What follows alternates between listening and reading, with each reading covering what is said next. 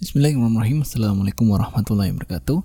Alhamdulillah, alhamdulillahirrahmanirrahim. Wassalatu wassalamu ala rasulillah mabadu. Sobat Quran di mana pun Anda berada. Mulai di kesempatan kita kali ini bareng saya Nia Ramadan yang bakal bersama kita semuanya dalam acara Makon Majelis Tanya Jawab seputar hukum-hukum keislaman dan juga konsultasi bersama narasumber kita Syekh Abdul Qadir Abdul Muiz dan juga mutajim kita ada Ustadz Mujib yang pada kesempatan hari ini sudah hadir di studio untuk melanjutkan materi kita tentang bagaimana hukum menghadiri pernikahan orang Nasrani dan juga apakah halal makanan yang dihidangkan dalam acara tersebut. Nah, seperti apa kelanjutannya? Langsung saja kita simak di sesi kali ini. Dan tentunya buat sahabat kawan semuanya yang ingin bertanya tentang hukum-hukum keislaman, silahkan saja Anda bisa mengirimkan pertanyaannya di 081 229 888 614 untuk SMS dan juga WhatsAppnya. Kami tunggu dan insya Allah kita akan bahas sesuai dengan urutan yang sudah masuk ke redaksi kami. Baik, langsung saja kita persilakan kepada beliau, Ustadz Mujib, sebagai mutajim untuk memulai materi kita. Tafadol. بسم الله الرحمن الرحيم السلام عليكم ورحمة الله وبركاته الحمد لله الحمد لله الذي هدانا لهذا ما كنا لنهتدي لولا أن هدانا الله أشهد أن لا إله إلا الله وحده لا شريك له أحمده سبحانه وتعالى لا نعبد غيره وأشهد أن محمدا عبده ورسوله اللهم صل وسلم وبارك على حبيبك ورسولك سيدنا ومولانا محمد وعلى آله وصحبه أجمعين أما بعد Para pendengar radio Karimah sekalian yang berbahagia, Alhamdulillah kembali berjumpa bersama kami dalam Majelis Taqon bersama dengan Syekh Hamdul Qadir Hamdul Aziz sebagai narasumber dan saya Abdul Majib Johar sebagai penerjemah. Semoga antum di mana pun berada senantiasa berada dalam lindungan Allah Subhanahu wa Ta'ala, dan semoga kajian ini memberikan kepada kita ilmu yang bermanfaat, menambahkan kepada kita bekal keimanan dan ketakwaan. Amin ya Rabbal 'Alamin.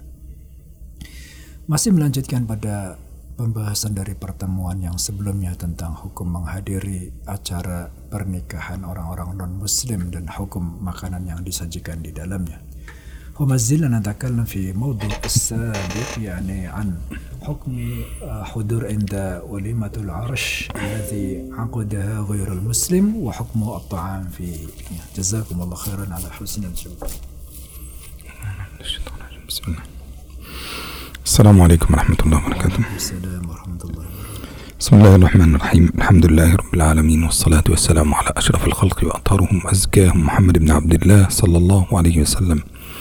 الرحمة المهداة والنعمة المسداة والسراج المنير البشير والنذير اللهم أحينا على سنته وأمتنا على ملته وارزقنا شفاعته وأرفقنا صحبته في الفردوس الأعلى. ومتعنا بلذة النظر إلى وجهك الكريم. اللهم آمين يا رب العالمين. اللهم سلمني وسلم مني. اللهم سلمني وسلم مني. اللهم سلمني وسلم مني. أما بعد. وكنا قد تكلمنا في الحكم هذه المسألة كان لها فروع. وقلنا أن الفرع الأول هو أن تكون هذه الدعوة أو أن يكون هناك حضور في الكنيسة. وذكرنا آراء الفقهاء واختلافهم فيها وقلنا أن الجمهور يجوز ذلك بغير كراهة والشافعية يقولون بالكراهة التنزيهية وأما الحنفية فيقولون بالكراهة التحريمية. وأما الحنابلة ففي رواية عندهم أنه لا يجوز الذهاب إلى هذه الكنائس أو لحضور هذه الأعراس إلا بإذن أهلها أو دخول هذه الكنائس بإذن أهلها. وذكرنا الأدلة على ذلك. أما بعد ذلك فقد ذكرنا ذهابهم إلى البيت وذهابهم إلى البيت أو تلبية الدعوة في البيت وقلنا على قسمين. القسم الأول إما أن يكون فيها أشياء شركية. وفي هذه الحالة يجوز له أن يمتنع أو يمتنع كما يمتنع في الكنيسة لقول الله سبحانه وتعالى فلا تقعدوا بعد الذكرى مع فلا تقعد بعد الذكرى مع القوم الظالمين. فلا تقعد بعد الذكرى مع القوم الظالمين. فالله عز وجل ينهى الإنسان إذا علم بأن هناك شيئا فيه شرك أو شيء يخالف شريعة الإسلام أن يجلس. وأعطينا أحاديث من أحاديث النبي صلى الله عليه وسلم منها مثال على ذلك. حديث النبي إذا عملت الخطيئة في الأرض كان كمن حضرها وكرهها كمن غاب عنها ومن حضرها ورضيها كمن فعلها. وذكرنا الحديث في ذلك. والحالة الثانية هي أن يكون في البيت.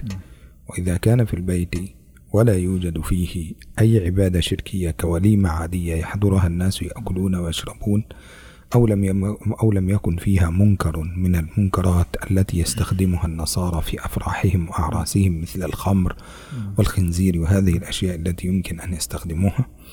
فيجوز له أن يذهب إلى هذا آه، العرس أو إلى هذه الوليمة إن كانت في البيت. وتوقفنا عند حكم أكل الطعام الذي أعد لذلك وهذا هو تفصيلنا في هذا اليوم إن شاء الله. Ya. Kemarin kita telah membagi-bagi beberapa permasalahan, ya, cabang-cabang permasalahan pada pertanyaan ini.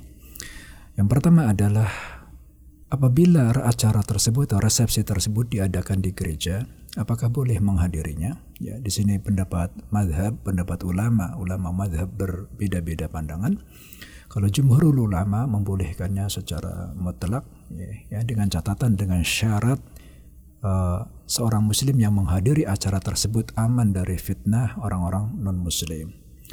Kemudian Imam Syafi'i mengatakan bahwasanya makruh menghadiri acara-acara di gereja ya karena di dalamnya ada patung-patung dan ada gambar-gambar ya gambar-gambar yang dilarang di dalam ajaran Islam.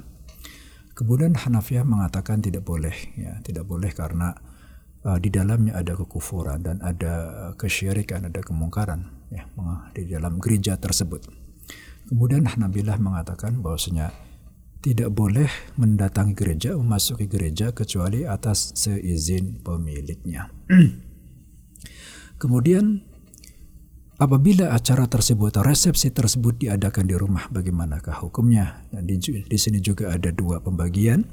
Ya apabila ya apabila pada acara tersebut yang dilakukan di rumah tersebut itu disajikan khamr ya disajikan khamr disajikan makanan-makanan yang haram kemudian ada ritual-ritual syirik ya ada ritual-ritual syirik maka itu tidak boleh ya tidak boleh mendatangi seorang muslim tidak boleh mendatangi acara yang jelas di dalamnya disajikan khamr disajikan makanan-makanan haram kemudian ada ritual acara ritual-ritual kekufuran ritual-ritual syirik ya Sebagaimana Allah Subhanahu wa taala berfirman, وإذا رأيت الذين يخوضون في آياتنا فأعرض عنهم حتى يخوضوا في حديث غيره فإما ينسينك الشيطان فلا تقعد بعد الذكرى مع القوم الظالمين Kemudian juga Rasulullah sallallahu alaihi wasallam bersabda, "Idza umilatil khati'ah fakana man ankaraha fakaman man karaha kaman كمن كان غاب من حضرها وأنكرها كمن غاب عنها يا ك- كان من حضرها وأنكرها كمن غاب عنها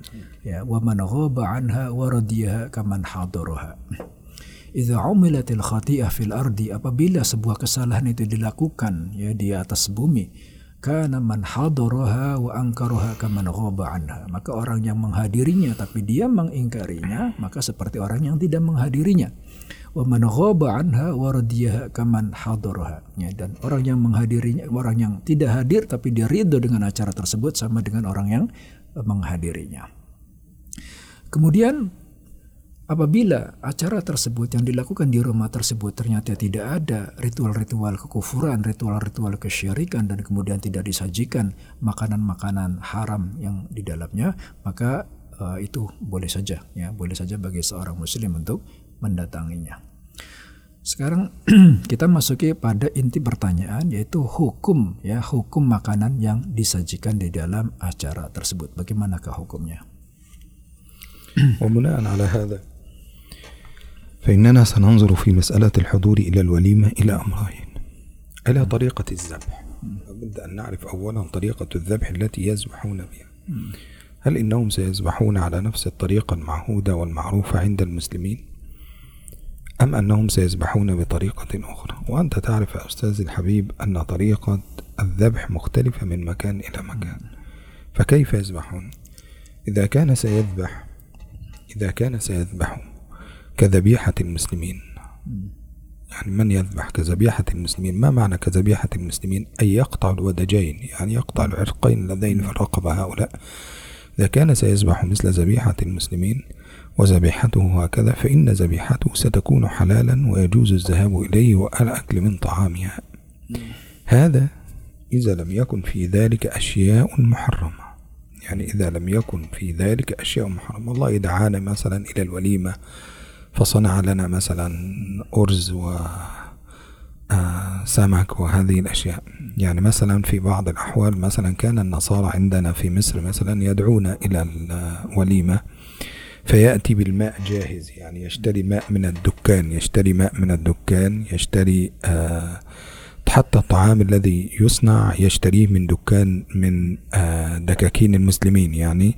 ويقول هذا طعام خاص أنا اشتريته من هذا المكان أو كذا. فبالتالي أنت معروف أن هذا مصنوع عند مسلم مأكول آه طبيعته مذبوح مسلم حتى الذابح الذي كان يذبح له الحيوان في وليمة العرس مثلا سيذبح بقرة أو سيذبح خروف كان يأتي بذابح المسلم يذبح له حتى إيه حتى يأكل معه المسلمون.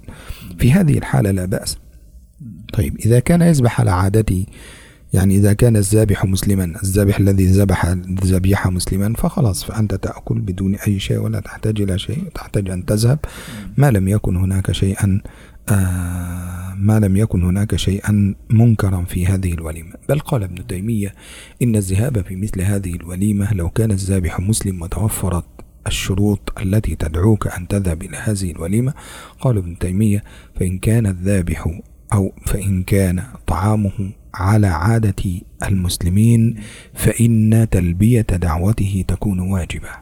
يعني تلبية الدعوة تكون واجبة عليك أن تلبي هذه الدعوة ما لم يكن فيها منكرا أو شرك. ما لم يكن فيها منكرا أو شرك. تلبية الدعوة هنا تكون واجبة. لماذا تكون واجبة؟ قال لحق الجوار.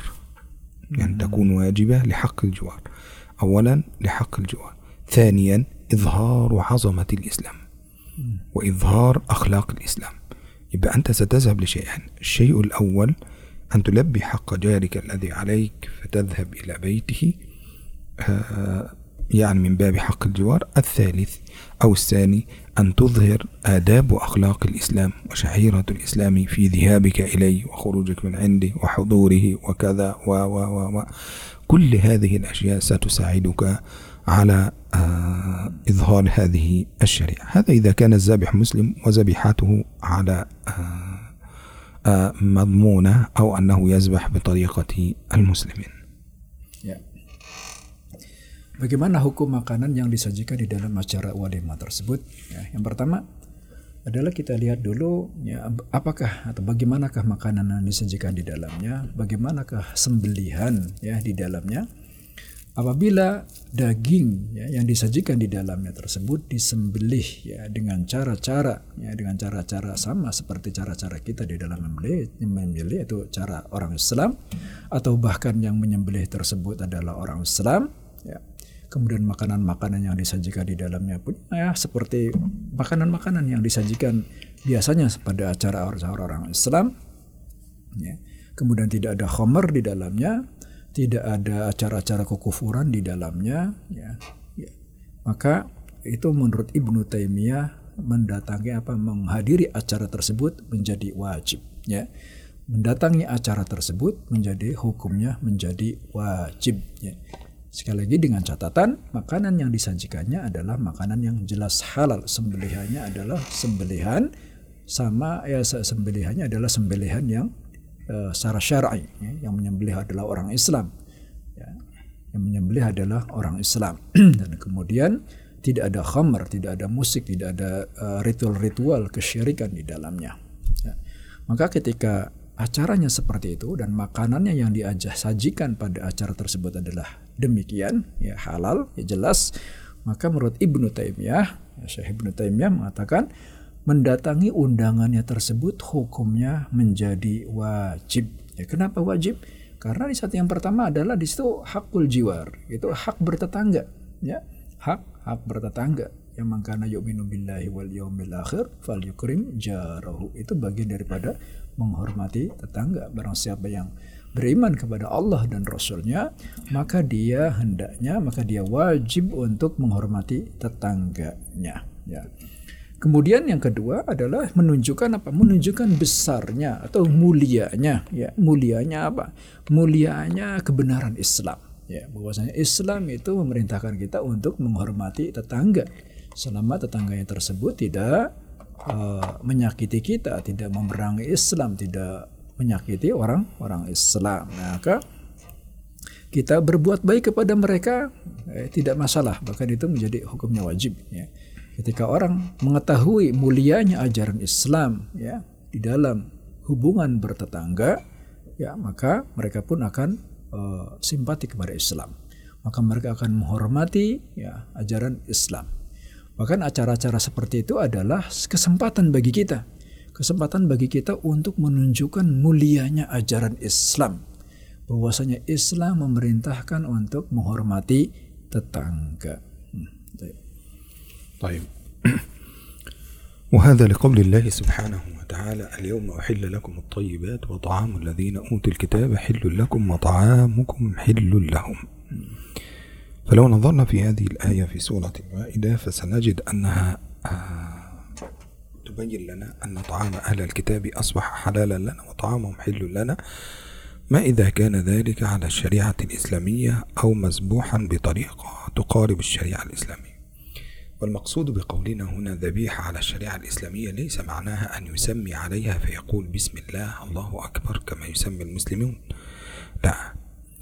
فأهدي إلى أحد أصحاب النبي صلى الله عليه وسلم وفي رواية أهدي لعائشة شاة من يهودية أهدي لعائشة من يهودية قطعة من الشاة أو جيء إلى رسول الله صلى الله عليه وسلم بكتف شاة.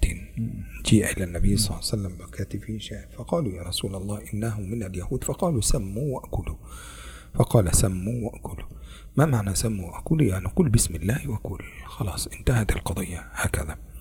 إذا في هذه الحالة إذا كان يسمي عليه ليس المقصود بأننا نقول أنه على طريقة المسلمين على طريقة المسلمين هنا معناها يا أستاذ عبد المجيب معناه أن يقطع الودجين يقطع العرقين الأساسيين الرئيسيين الذين يصلان إلى القلب يقطعهم هكذا يأخذهم. طيب من الأمام إلى الخلف أو من الخلف للأمام لو من الأمام إلى الخلف هذا طريقة الذبح. من الخلف إلى الأمام هذا قتل. طب ما الفرق هنا؟ قالوا الفرق هنا في الأول أنه حينما يضرب من الخلف يا أستاذ عبد المجيد يضرب من الخلف من هنا يقطع النخاع أولا. فإذا قطع النخاع ماتت البهيمة قبل أن إيه؟ قبل أن يقطع رقبتها. إذا هنا قتلها قبل أن يقطع رقبتها. لكن هنا يقطع هذا ويظل النخاع كما هو يظل هنا فيبدأ الدم يخرج كله من هذا الشيء. ثانيا أنه بطلبه لهذا المنطقة كتم الدم كله في داخل الذبيحة.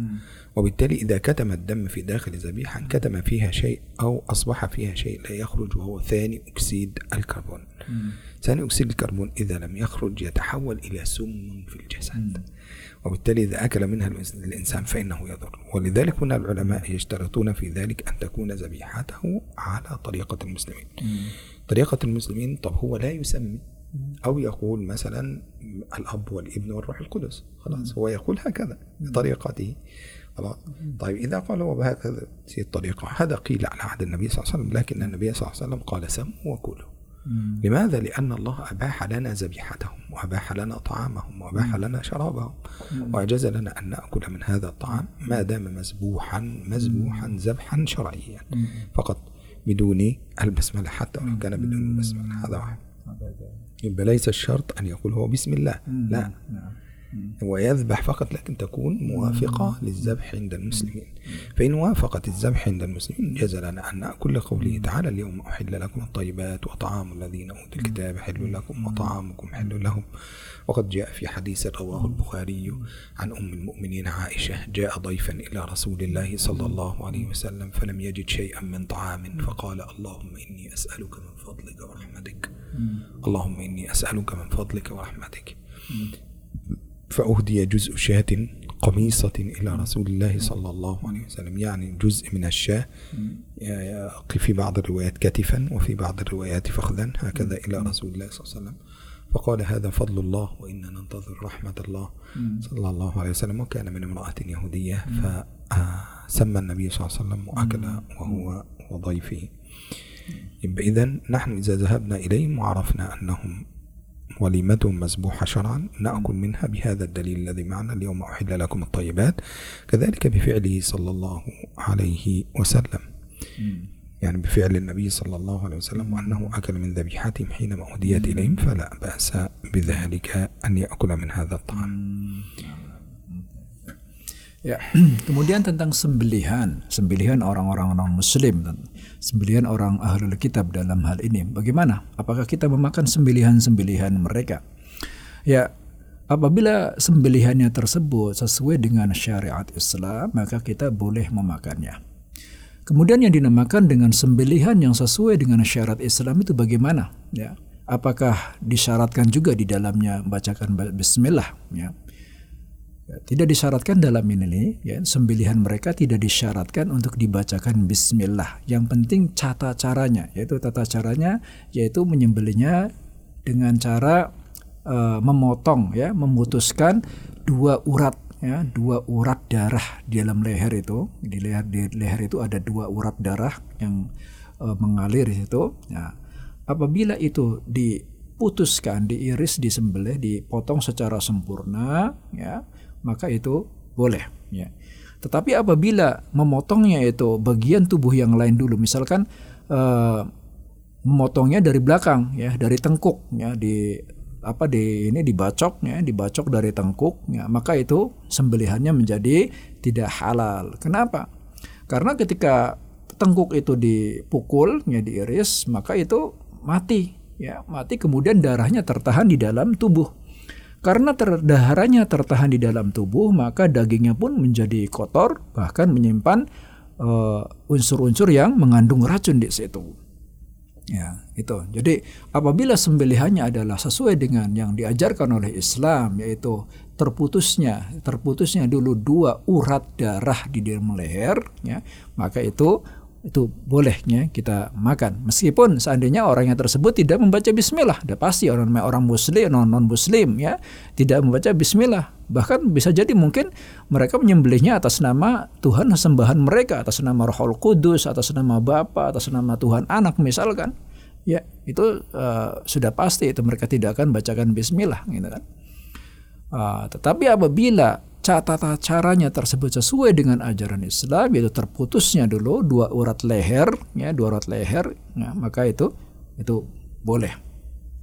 Dalilnya adalah apa? Dalilnya adalah sebagaimana yang dilakukan oleh Rasulullah Sallallahu Alaihi Wasallam ya beliau pada satu hari menerima hadiah uh, daging sepotong daging berupa paha ya ada yang mengatakan paha ada yang mengatakan uh, dada ya dari seorang wanita Yahudi ya. Kemudian diberitahu oleh para sahabatnya ya Rasulullah daging ini dari seorang wanita Yahudi ya. Apakah boleh? Ya.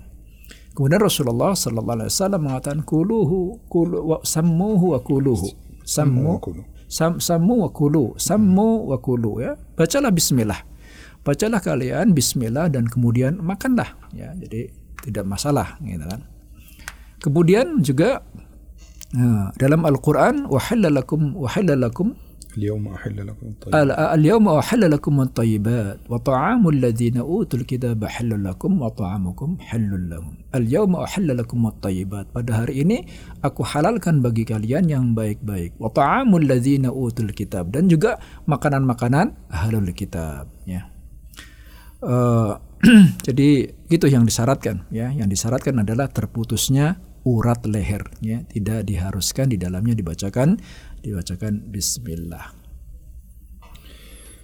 إذا حينما يذبح بهذه الطريقة يكون طعامه لنا حلالا ونحضر وليمته وكما قال ابن تيمية إظهارا لأخلاق الإسلام وتأليفا لقلوبهم في الدخول في الإسلام وكذا مراعاة لحق الجوار. فإذا كنا نعلم أو عندنا شك نأتي إلى مسألة ثانية. وهو أنه كان يذبح على غير ذبيحة المسلمين. ما معنى أنه يذبح على غير ذبيحة المسلمين يا أستاذ عبد المجيب عندنا بعض الناس أو عندنا بعض الدول يقومون بضرب الحيوان في رأسه بالنار يعني بالسلاح. يضربه بالسلاح في رأسه هنا. فيدخل السلاح في رأسه خلاص يضربه في رأسه بالسلاح هذا أو برمح أو بأي شيء فيقتله مباشرة. طيب كذلك عندنا من يقوم بخنقه يعني طريقة الخنق يعني نربطه بحبال ويخنقه هكذا حتى يموت أو بحبس الأكسجين في جسده بأنه يضع كمامة على الفم شيء على الفم هكذا بحيث لا يستطيع أن يتنفس الحيوان فيموت. إذا هناك طرق كثيرة جدا إما بلي الرقبة يعني لي الرقبة مسك الرقبة هكذا وإلى الخلف هكذا كسرها مرة واحدة. أو بالضرب بالسلاح في الرأس أو بكتم النفس حتى يموت أو يكون ذلك صعقا بالكهرباء. يعني يأخذ الكهرباء فيضعه. طيب إذا فعل شيئا من هذه الأشياء الأربعة أو إذا فعل شيء من هذه الأشياء التي تكلمنا فيها الحقيقة أنه لا يجوز أكل طعامه في هذه الحالة لأن عندنا نص عام. والنص العام هنا غير مخصص. والنص العام في التحريم هو قول الله سبحانه وتعالى حرمت عليكم الميتة والدم ولحم الخنزير وما أهل لغير الله به والمنخنقة يعني التي خنقها هكذا والموقوذة يعني المضروبة على الرأس والمتردية المتردية التي سقطت من مكان والنطيحة التي تناطحت مع شيء آه، مع حيوان بالرأس هكذا فضربت رأسها. والمتردية والنطيح. إذا عندنا في النص العام هنا حينما تنظر إن الأربعة أحوال إن الأربعة أحوال التي تكلمنا فيها تدخل فيها. حرمت عليكم الميتة فالتي صعقت بالكهرباء هذه ميتة. الموكوزة التي ضربت في رأسها وهذه مثل الذي ضربها بالسلاح في رأسها مرة واحدة المتردية ممكن أن يسقطها من فوق جبل أو يسقطها من فوق جبل النطيحة ممكن يضرب رأسها في الحائط الجدار أو أنها تتناطح مع حيوان آخر فيضرب هذا الحيوان في رأسها فتموت. يبقى إذا عندنا كل هذه الأشياء التي يخنقها بمنع النفس عنها هذه ميتة التي يخنقها بالحبل كما قال الله عز وجل المنخنقة يعني خنقها هكذا. التي يضربها في رأسها موقوزة آه بكل هذه الأحوال إذا فعلت فهذا النص العام يدل على التحريم.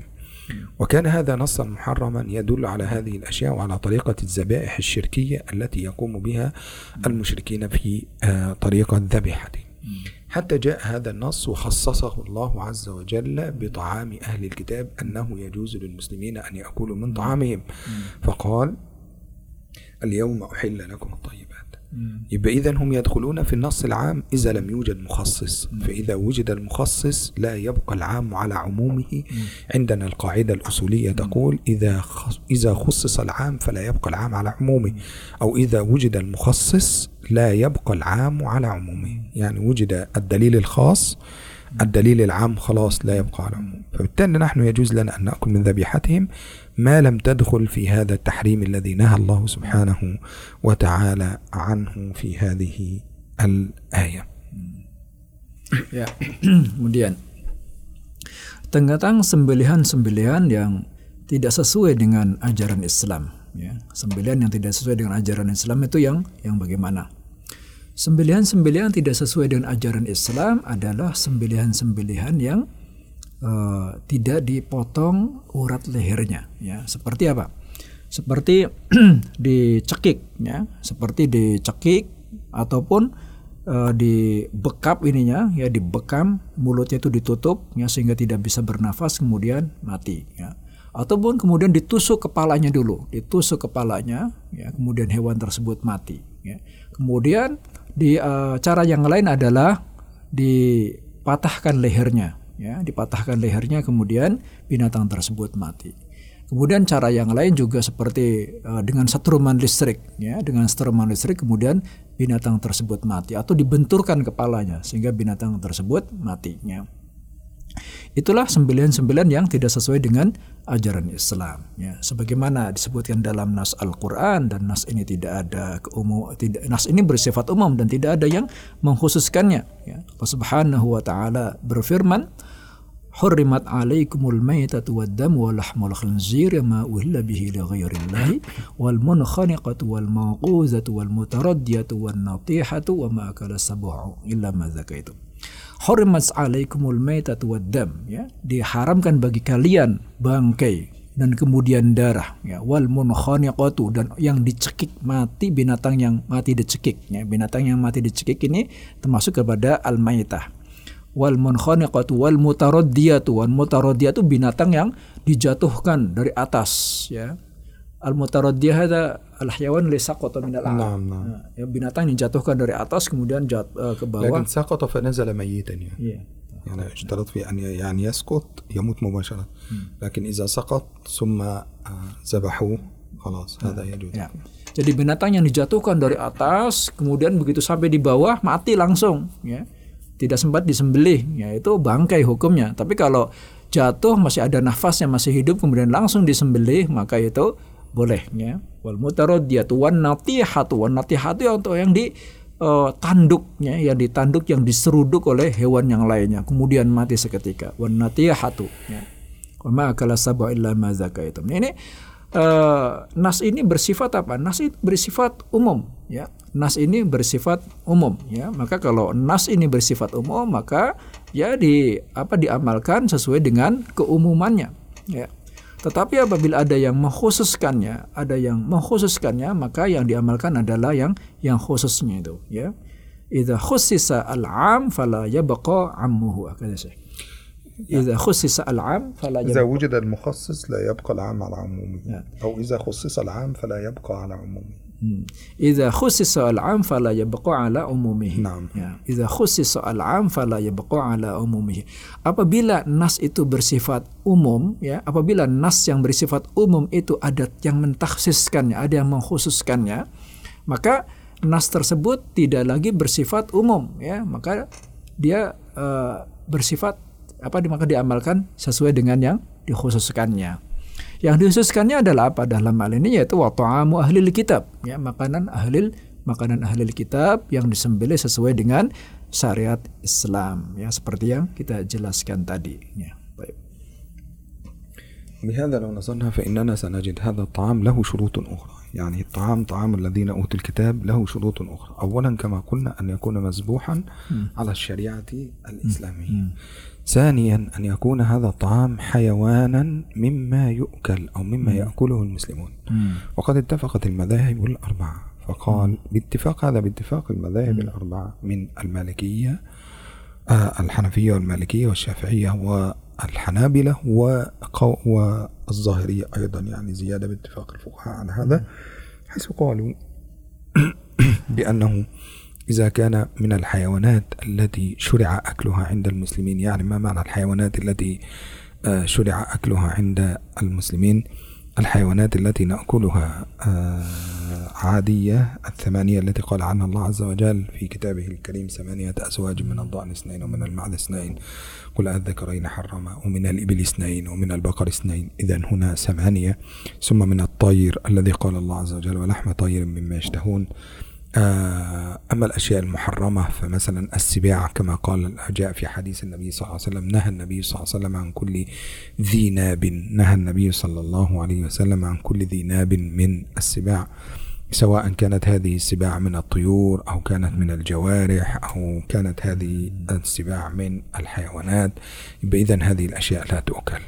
إذا نهى النبي صلى الله عليه وسلم عن كل ذي ناب إذا كان يذبح شيء من هذه الأشياء فلا يجوز. إذا كان يذبح شيئا لا يذبح في الإسلام كمثل الخنزير. مثلا يذبح خنزيرا فبالتالي لا يجوز وكذلك لا يجوز المشاركة في مثل هذا. طيب يبقى معنا سؤال يبقى معنا مسألة صغيرة جدا أيضا حتى ننتهي من هذا السؤال هذا اليوم وهي أنه إذا شك في الطعام إذا شك في الطعام يعني إذا شك في اللحم آه، هل كان اللحم هذا آه، مذبوحا على الشريعة الإسلامية أو غير مذبوح على الشريعة الإسلامية إذا كان مشكوكا فيه ومطبوخا بشيء آخر نتركها للمرة القادمة إن شاء الله Ya. Jadi secara garis besar adalah ada dua syarat dalam hal ini ya. Syarat kehalalan makanan yang disajikan di dalam acara tersebut yaitu yang pertama adalah disembelih sesuai dengan tata cara ajaran Islam sebagaimana yang sudah tadi kita jelaskan.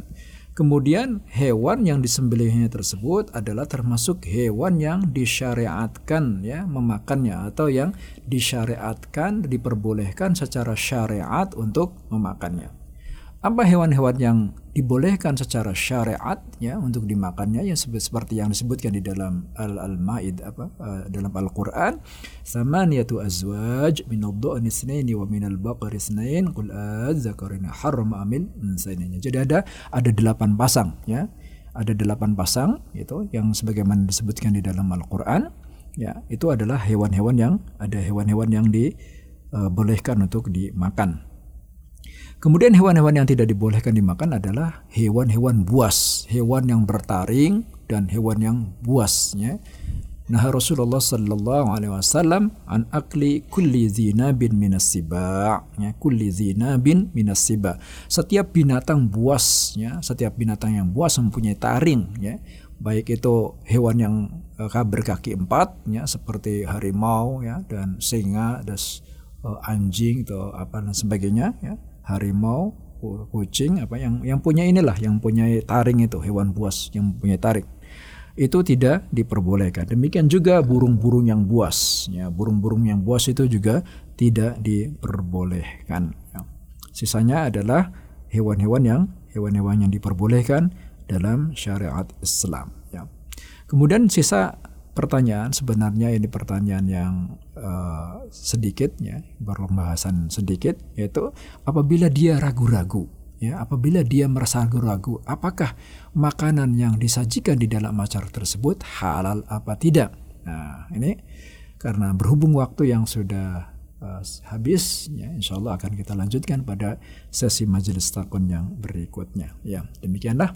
Jazakumullah khairan atas perhatiannya. Mudah-mudahan menjadi ilmu yang bermanfaat ya dan mudah-mudahan kita bisa kembali berjumpa dalam majelis takwan yang berikutnya. Assalamualaikum warahmatullahi wabarakatuh.